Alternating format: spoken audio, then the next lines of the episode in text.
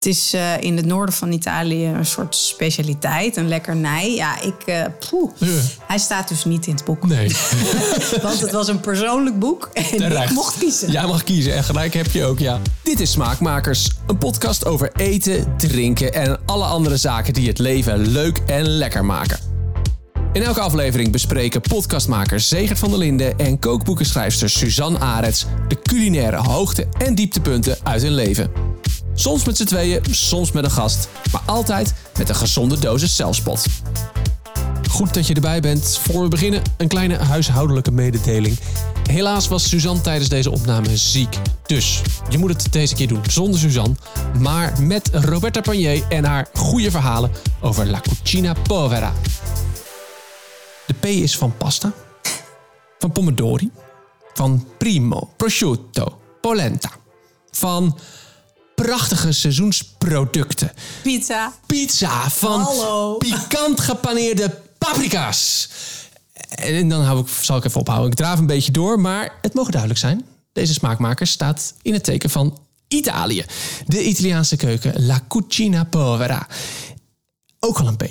Ik voeg nog één P toe en dan, dan hou ik hem mee op.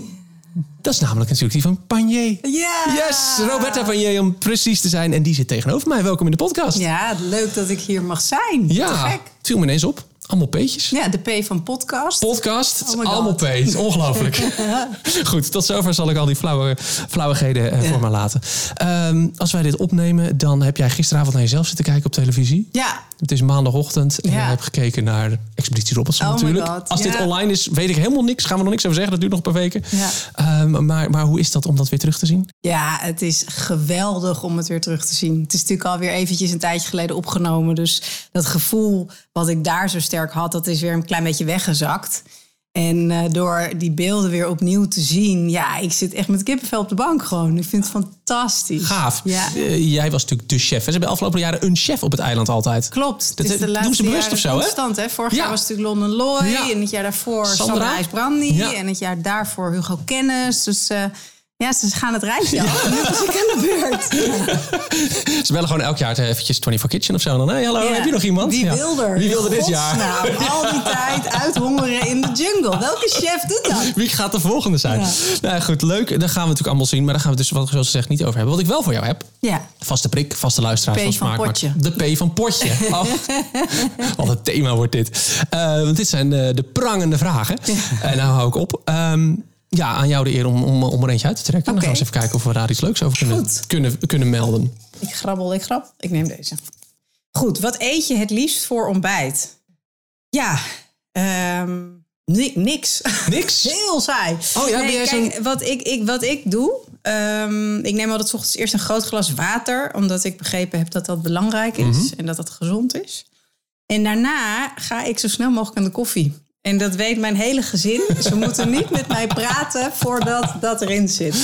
Mama moet eerst koffie. Nee, serieus. Ik bedoel, ik zeg natuurlijk wel goedemorgen en ik geef ze een kus en dat is het. Maar voor de rest moet iedereen echt zijn mond houden. Ik, ik, ik, ik drentel naar dat apparaat daar en dan eh, zet ik een kopje koffie. En, eh, en daar doe ik het eigenlijk de hele ochtend op. Want ik vind Oh, het prettig om op een leeggemaagde dag te starten.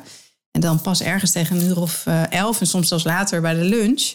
Als je gesport hebt, dan is het inderdaad na, de, na het sporten. Maar eh, ja, ik vind het gewoon lekker. En eh, ik heb dat ontbijt niet zo nodig. En heel eerlijk, Mhm. daar ga ik allemaal mensen misschien mee beledigen. Maar ik vind ontbijt echt een hele saaie maaltijd. Ik ben meer van het lunch en het avondeten. Ja, ja.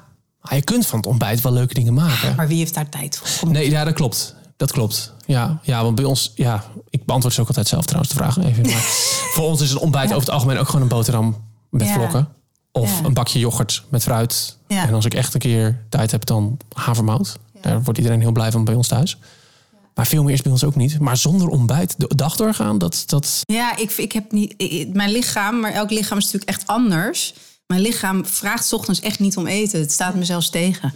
Dus ik eh, vind het heerlijk om dan met die lege maag te beginnen. En als ik dan, nou ja, natuurlijk wel koffie dan. En dan op een gegeven moment tegen nu of elf begint ik een beetje, begin ik een beetje trek te krijgen. En dan gaat er wat in. Ja, ja, ja. ja. Dus uh, ja, het is een, iets wat ik al jaren doe. En, En je uh, lichaam is er ook aan gewend natuurlijk op een gegeven moment. Dat is natuurlijk ja, ook. Als kijk, ik het nu moet ga wel doen. voor de kinderen ontbijt maken. Dus het is niet dat ik hen dit opdring. maar eh, voor mijzelf, eh, heel veel meer dan koffie gaat er niet. Dat is het, ja. Ja, ja maar wat je zegt, het, eh, jouw lichaam is eraan gewend. Misschien als ik Ja. nu begin, dan over een jaar, dan zit ik hier weer en dan zeg ik, ja, ik ontbijt nooit. En 11 uur, prima, kan ik ook hebben. Je moet er gewoon aan wennen natuurlijk. Dat is het gewoon, ja. Ja. ja. ja. hoewel ik wel gek ben op van die lekkere restaurant om, eh, hotelontbijtjes. Hallo, ik ook heus wel. Hè? Dat is ik heb net wel- een maand gereisd en dan gaat er elke dag wel wat lekkers in. Dat is heel dan wel. anders. Dan dat is anders, ja, dan wel. Tot zover, dan gaan we het ontbijt achter ons laten. Ja. Dan ga ik ook even grabbelen. Ja, ik heb dit dus niet van tevoren expres bewust gedaan, hè? Maar ik Echt ben wel niet. heel nieuwsgierig. Deze vraag eh, kwam volgens mij, heb ik een keer via Instagram van een, van een luisteraar eh, op, opgehaald voor in dit potje. Wat zou je maken met tomaten? Ja, ja. Hand op maat, je hebt me zien grabbelen. Ja. Hand op maat. Ja. Ja, Nou, geef antwoord. een Indiase curry. Lekker. Lekker met veel specerijen. En dan denk ik met kikkererwten. Iets met kikkererwten, een beetje pittig. En dan lekker een paar tomaten erin. Dat het dan net zo lang zit tot die tomaten helemaal kapot zijn. En opgenomen zijn in. de saus. En dat Ja. het dan helemaal bindt. En in plaats nog een schepje yoghurt of zo erin om het helemaal af te maken. heerlijk. Een beetje koriander eroverheen eventueel. En dan gewoon een stukje brood erbij. Ja, That's it. ja, Dat zou ik doen. Ja. Jij hebt vast ook ideeën. Ja, ik zou iets eh, Chinees maken. nee, ik, eh, ik hou heel erg van de Italiaanse keuken, maar dat is natuurlijk geen verrassing. Nee. Dus tomaten, ja, dat gaat hier echt in kilo's per week er doorheen. En ik heb ook twee kindjes. En de ene, de kleinste, die is echt soort van pasta met eh tomatensaus gek. Dus ja, tomaten is gewoon pasta. Duidelijk. Een goede, lekkere tomatensaus die dan helemaal from scratch zelf gemaakt is. En dan lekker de hele dag op het vuur heeft gestaan. En dan eh, uiteindelijk, wat ook wel lekker is, is nog een klein beetje kaneel of eh, kruidnagel. Als je bijvoorbeeld ook vlees gebruikt. Dat Ja. is natuurlijk heel lekker erbij. Ja. Ja, de hele dag pruttelen. En dan Gewoon. rustig pruttelen. Met het de hele P huis. van pruttelen. Juist. Ja, jij gaat dit dus de hele dag, de hele tijd krijgen. Hè? Dat snap ik. heb je zelf Prima. gedaan. Ja, ja, nee, je hebt gelijk. Het is mijn eigen schuld. Het is mijn eigen schuld. Oh, ja, en dat je hele huis dan zo lekker ruikt. En dan zo dat hele geur zo een beetje. Ja. Mm. Ja. Nou, dan komen we zo in de Italiaanse keuken. Ja, Bij jouw nieuwe boek. ja. Roberta's Cucina Povera. Ja. ja je een telefoon veel eerder deze week verbeterde je hem al, wat ik het verkeerd zei. Sorry. ik ga mijn best doen. Wat me gelijk opviel, het is een heel persoonlijk boek. ja. Komt heel dicht bij jou. Kun je dat eens toelichten? Ik heb een aantal boeken geschreven al, maar dit boek kon ik eigenlijk voor het eerst echt helemaal zelf invullen. En ehm, eh, dat betekent dus ook dat ik heel erg op de persoonlijke tour ben gegaan met heel veel persoonlijke verhalen. Ehm, mijn humor. Ja, ik hoop dat het een beetje aanslaat. Want ja, ik kan er zelf dan hard om lachen. Maar goed, dat betekent niet dat iedereen dat heeft. Ehm, recepten die ook hier thuis gekookt worden.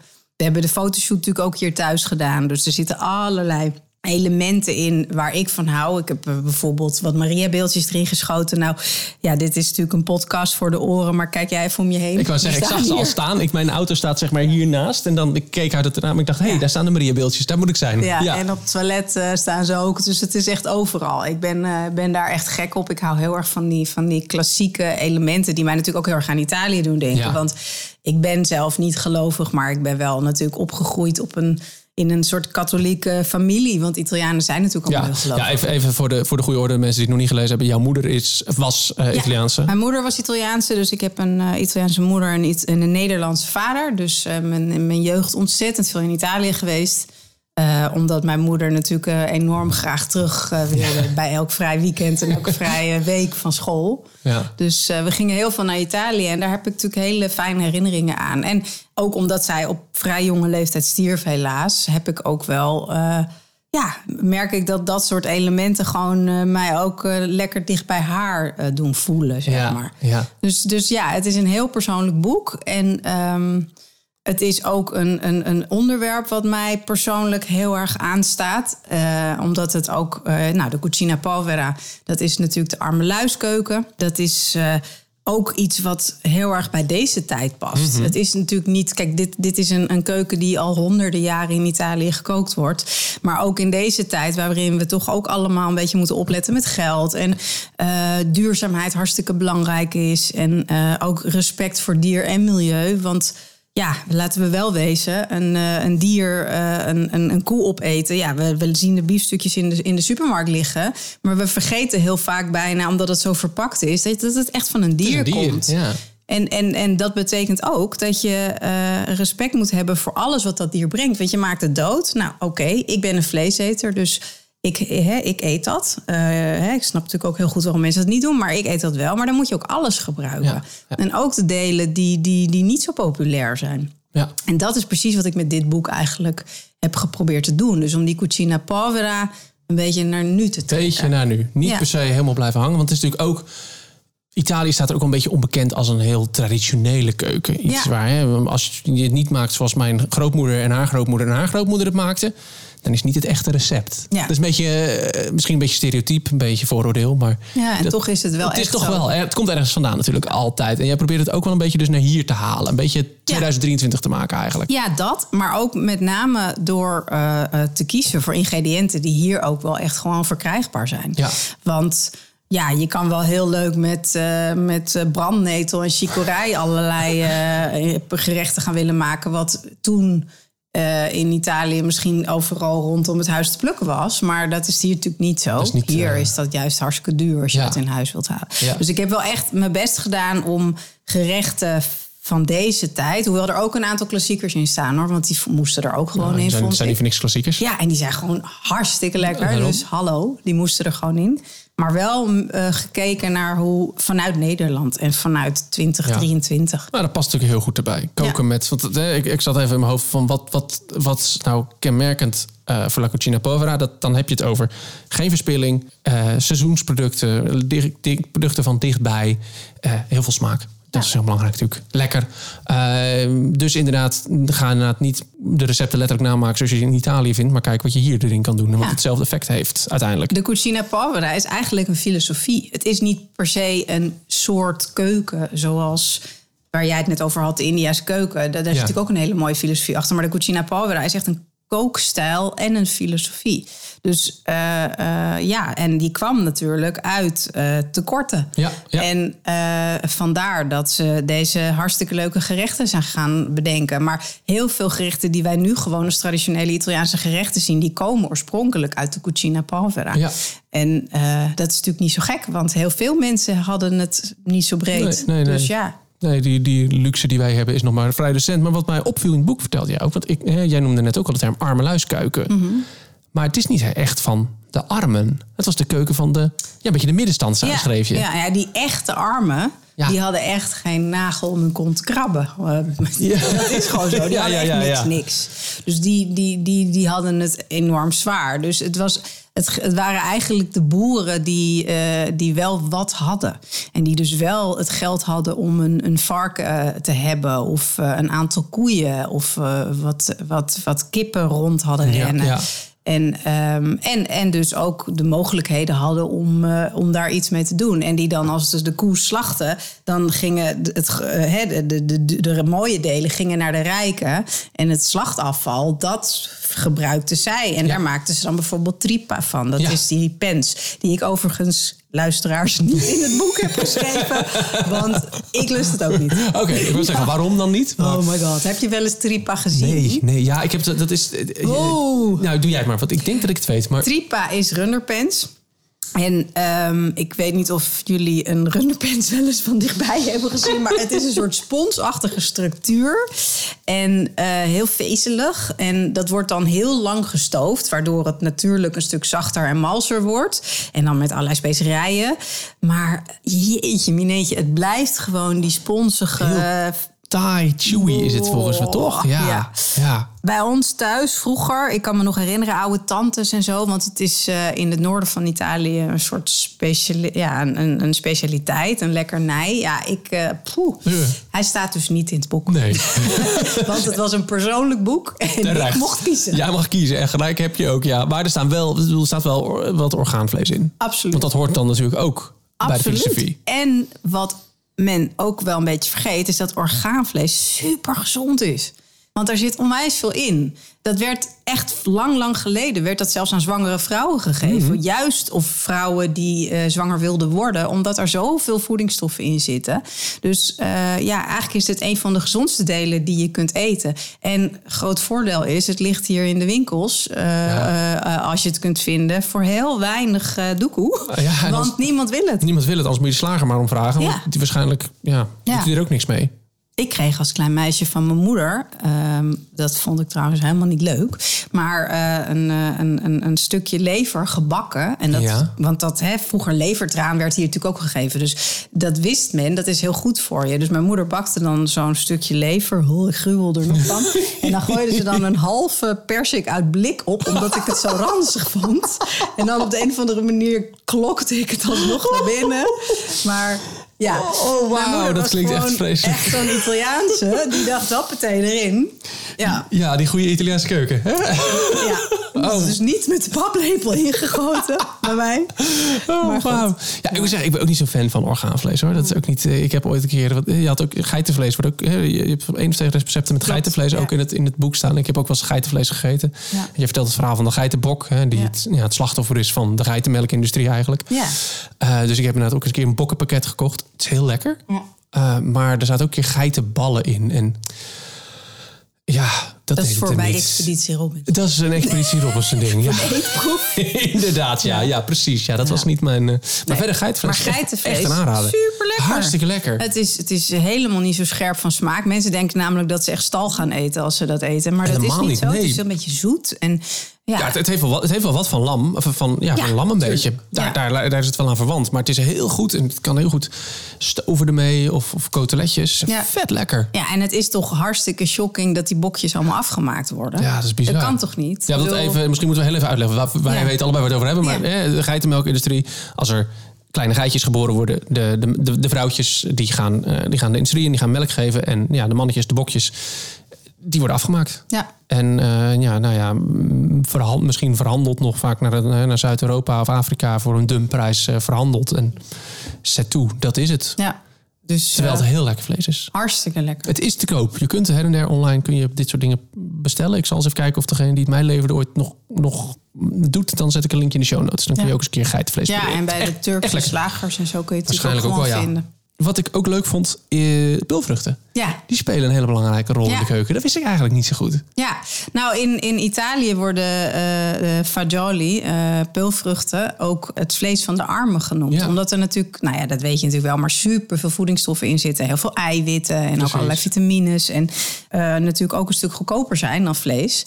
Dus in, in de cucina povera worden heel veel peulvruchten gegeten. Maar heel eerlijk, in de hele Italiaanse keuken wel.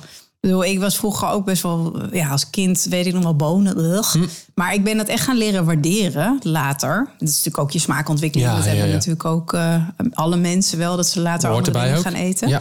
Maar eh, ja, heel veel bonen. Daar kun je natuurlijk zoveel kanten mee op. Zo, en het is zo'n makkelijk Ja. product ergens ook. Ja, en het, is, eh, het geeft eh, lang een voldaan gevoel. Dus Ja. eh, dat ook. Ja. Het heeft heel veel voordelen en je kan er van alles mee doen. En god, voor vegetarische mensen is het ook ideaal Ja, natuurlijk. perfect. Ja. Er zit van alles in en ze kunnen er een kick-ass eh, ragout mee maken hoor. Ja, of Dan mis je het vlees dus gewoon niet hè? Of die kikkererwten pannenkoekjes die in jouw boek staan. Ja. Die, eh, die vielen mij wel op. Ja. Die gaan wel op, eh, op tafel komen bij ons Ja. eh, een keertje. En kikkererwtenmeel kun je natuurlijk niet per se eh, eh, in elke supermarkt vinden. Maar eh, je hebt er heel weinig van nodig. Dus als je gewoon zo'n pak haalt bij de natuurwinkel...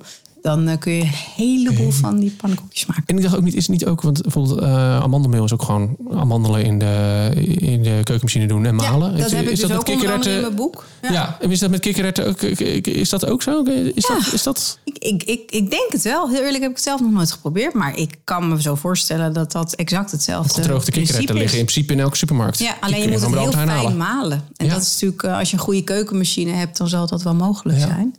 Maar eh, amandelmeel is toch vaak net nog ietsjes groffer dan dat kikkererwtenmeel is. Dat, is. dat is nog geen bloem, maar wel echt meel. al. Ja, ja, ja. Ja, maar wordt veel gebruikt hoor, de Italiaanse keuken. Ze maken ook uh, crespelle ervan. Dat, crespelle zijn dus ook een soort pannenkoeken.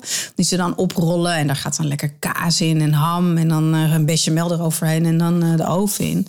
Ja, comfort food to the max. Zo. Maar goed, deze, dit, dit soort gerechten, dat, dat is natuurlijk ook redelijk zwaar. Ja. En um, dat is het ook, hè. de cucina povera. Dat zijn allemaal, de traditionele gerechten zijn allemaal behoorlijk zwaar. Ja, maar ja. dat komt natuurlijk ook omdat die mensen daar vaak maar één keer per dag aten. En de rest van de dag op het land aan het werken waren. Precies. Dus uh, ik heb wel ook gekeken naar een beetje balans. Er staan ook wel een paar caloriebommetjes in. Ja, maar er staan ook hele lekkere zomergerechten in. Goede zomerse, zomerse, zomerse soep volgens mij zag ik langskomen.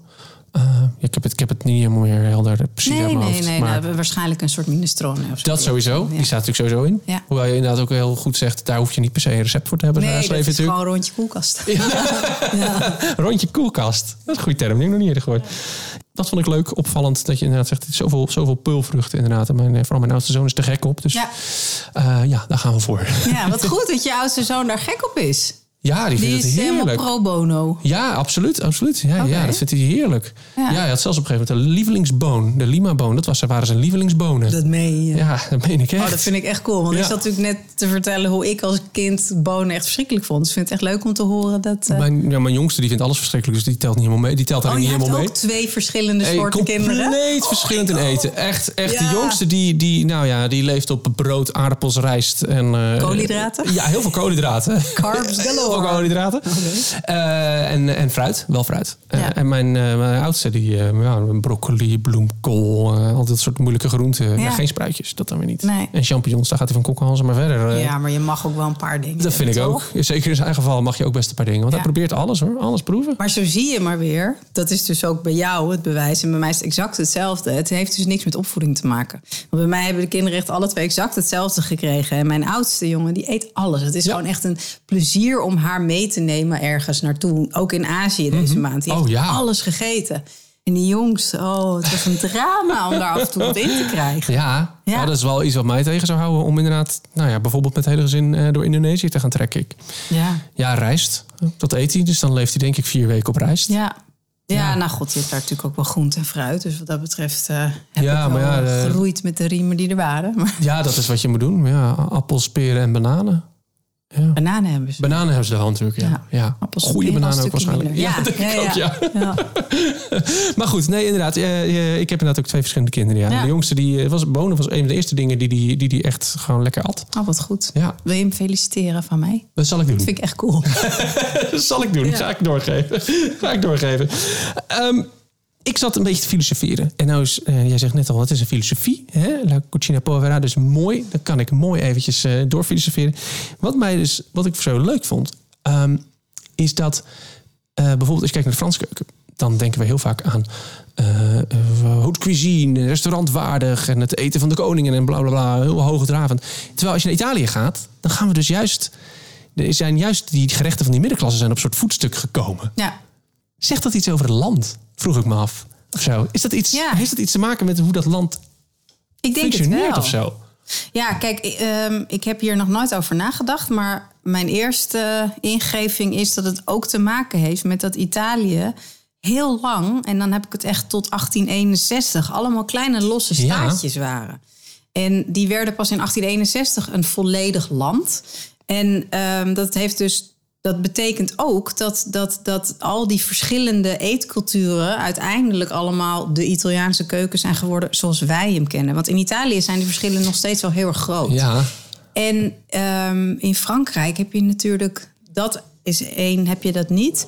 Maar daar is ook in mijn beleving, maar goed, misschien klets ik nu echt totaal uit mijn nek. Maar eh, de Franse adel was ook zo verschrikkelijk ja, belangrijk ja, ja, ja. wereldwijd. Het Hof, het. Franse Hof was natuurlijk Ja. hartstikke bekend en heel, heel En het was ook, hè, als je. Frans sprak, dan was je chic. Ja, dus ik denk dat heel veel mensen dat heel graag wilden nastreven. En dat heeft Italië minder. ja. Waardoor, denk ik, daardoor eh, het verschil, ja, even plat gezegd, een boerenkeuken en een wat meer ja, technische keuken Mhm, ja, ja, ja. Denk ik. Dat is wel een goede. Vind ik wel een mooi antwoord.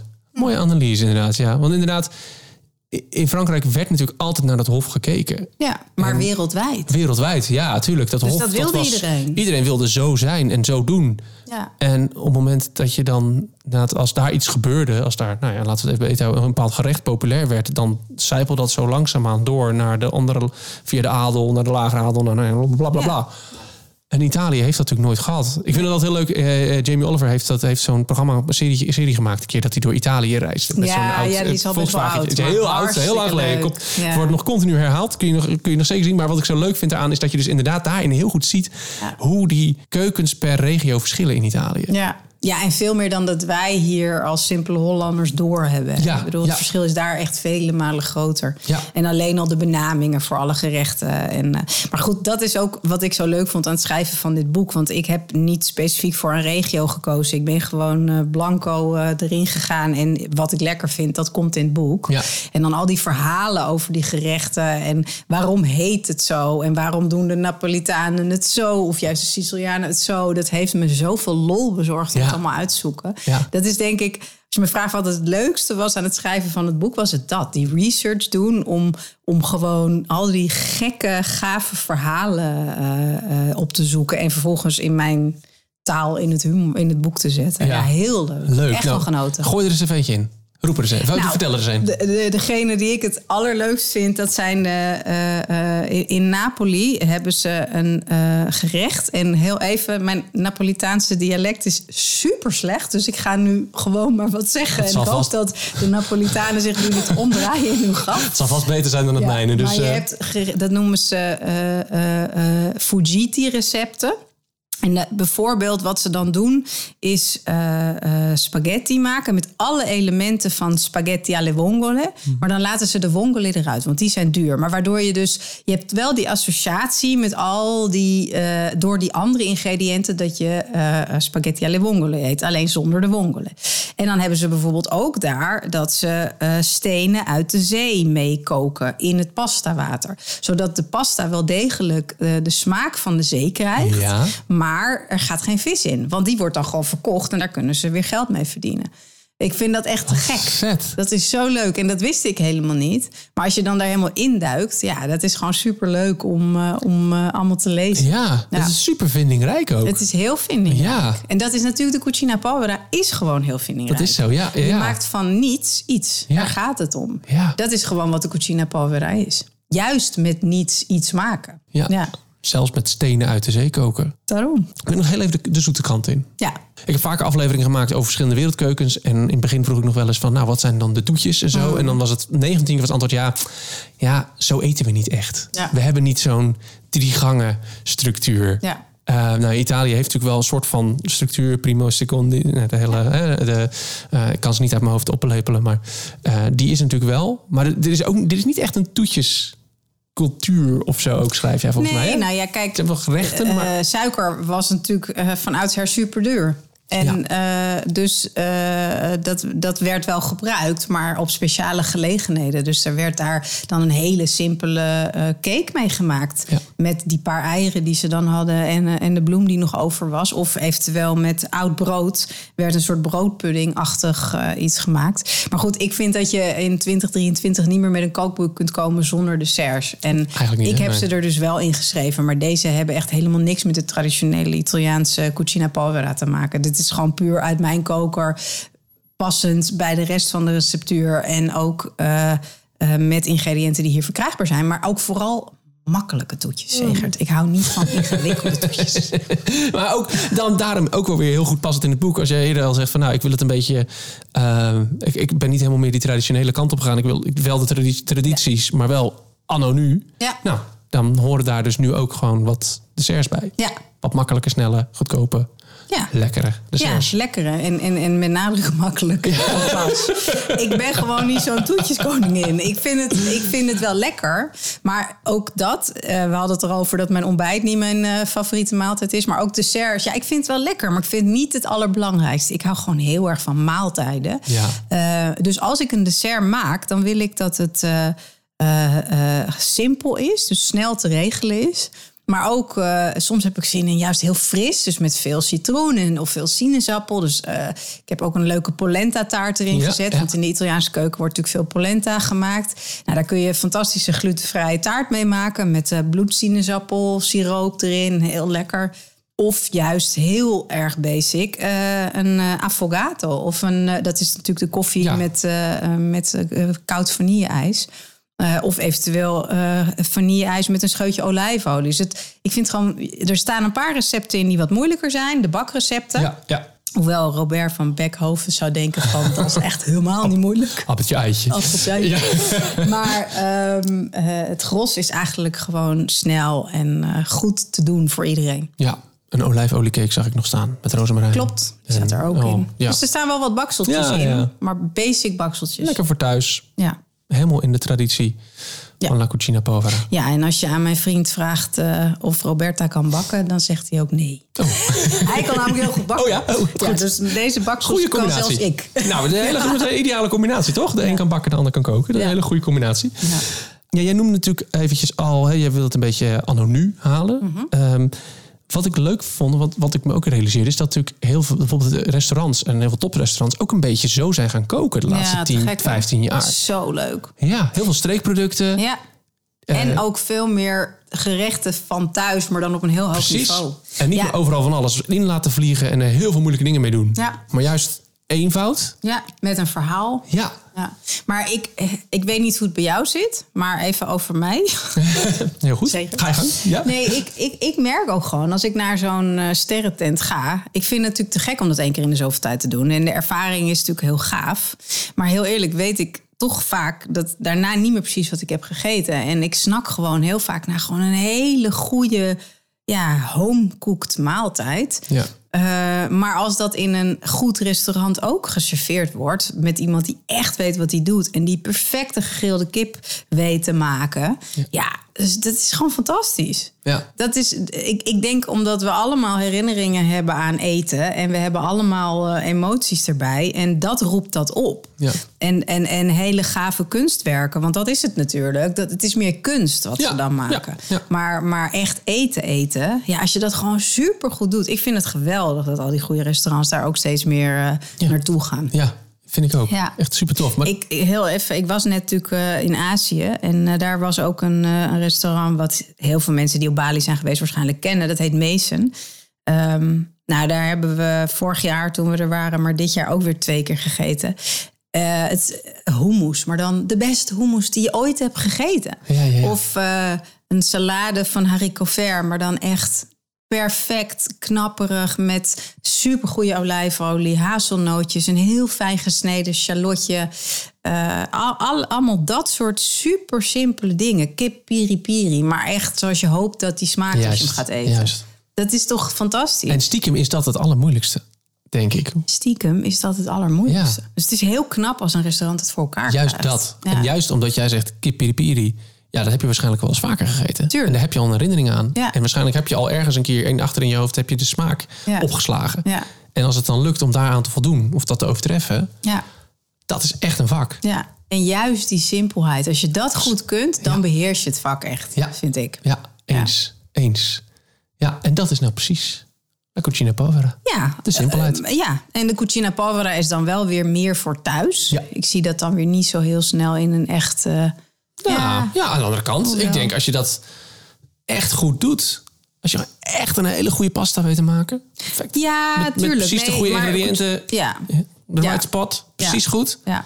Ja, Ja, hoor. goed pasta maken voor. is al ingewikkeld. Waarom? Ik bedoel, gelukkig hebben we steeds meer zaken die dat begrijpen. Maar eh, ja, dus De juiste pasta bij de juiste saus, bijvoorbeeld. dat. Even maar iets. ook de, de, de saus überhaupt Ja. al eh, goed doen. Of eh, de pasta op de juiste manier koken. Dat gaat nog steeds niet helemaal goed op heel veel plekken. Er staat vlees in het boek, staat vis in het boek. Maar het is natuurlijk, eh, als je het hebt over eh, de arme luiskeuken. Ja. Vlees en vis.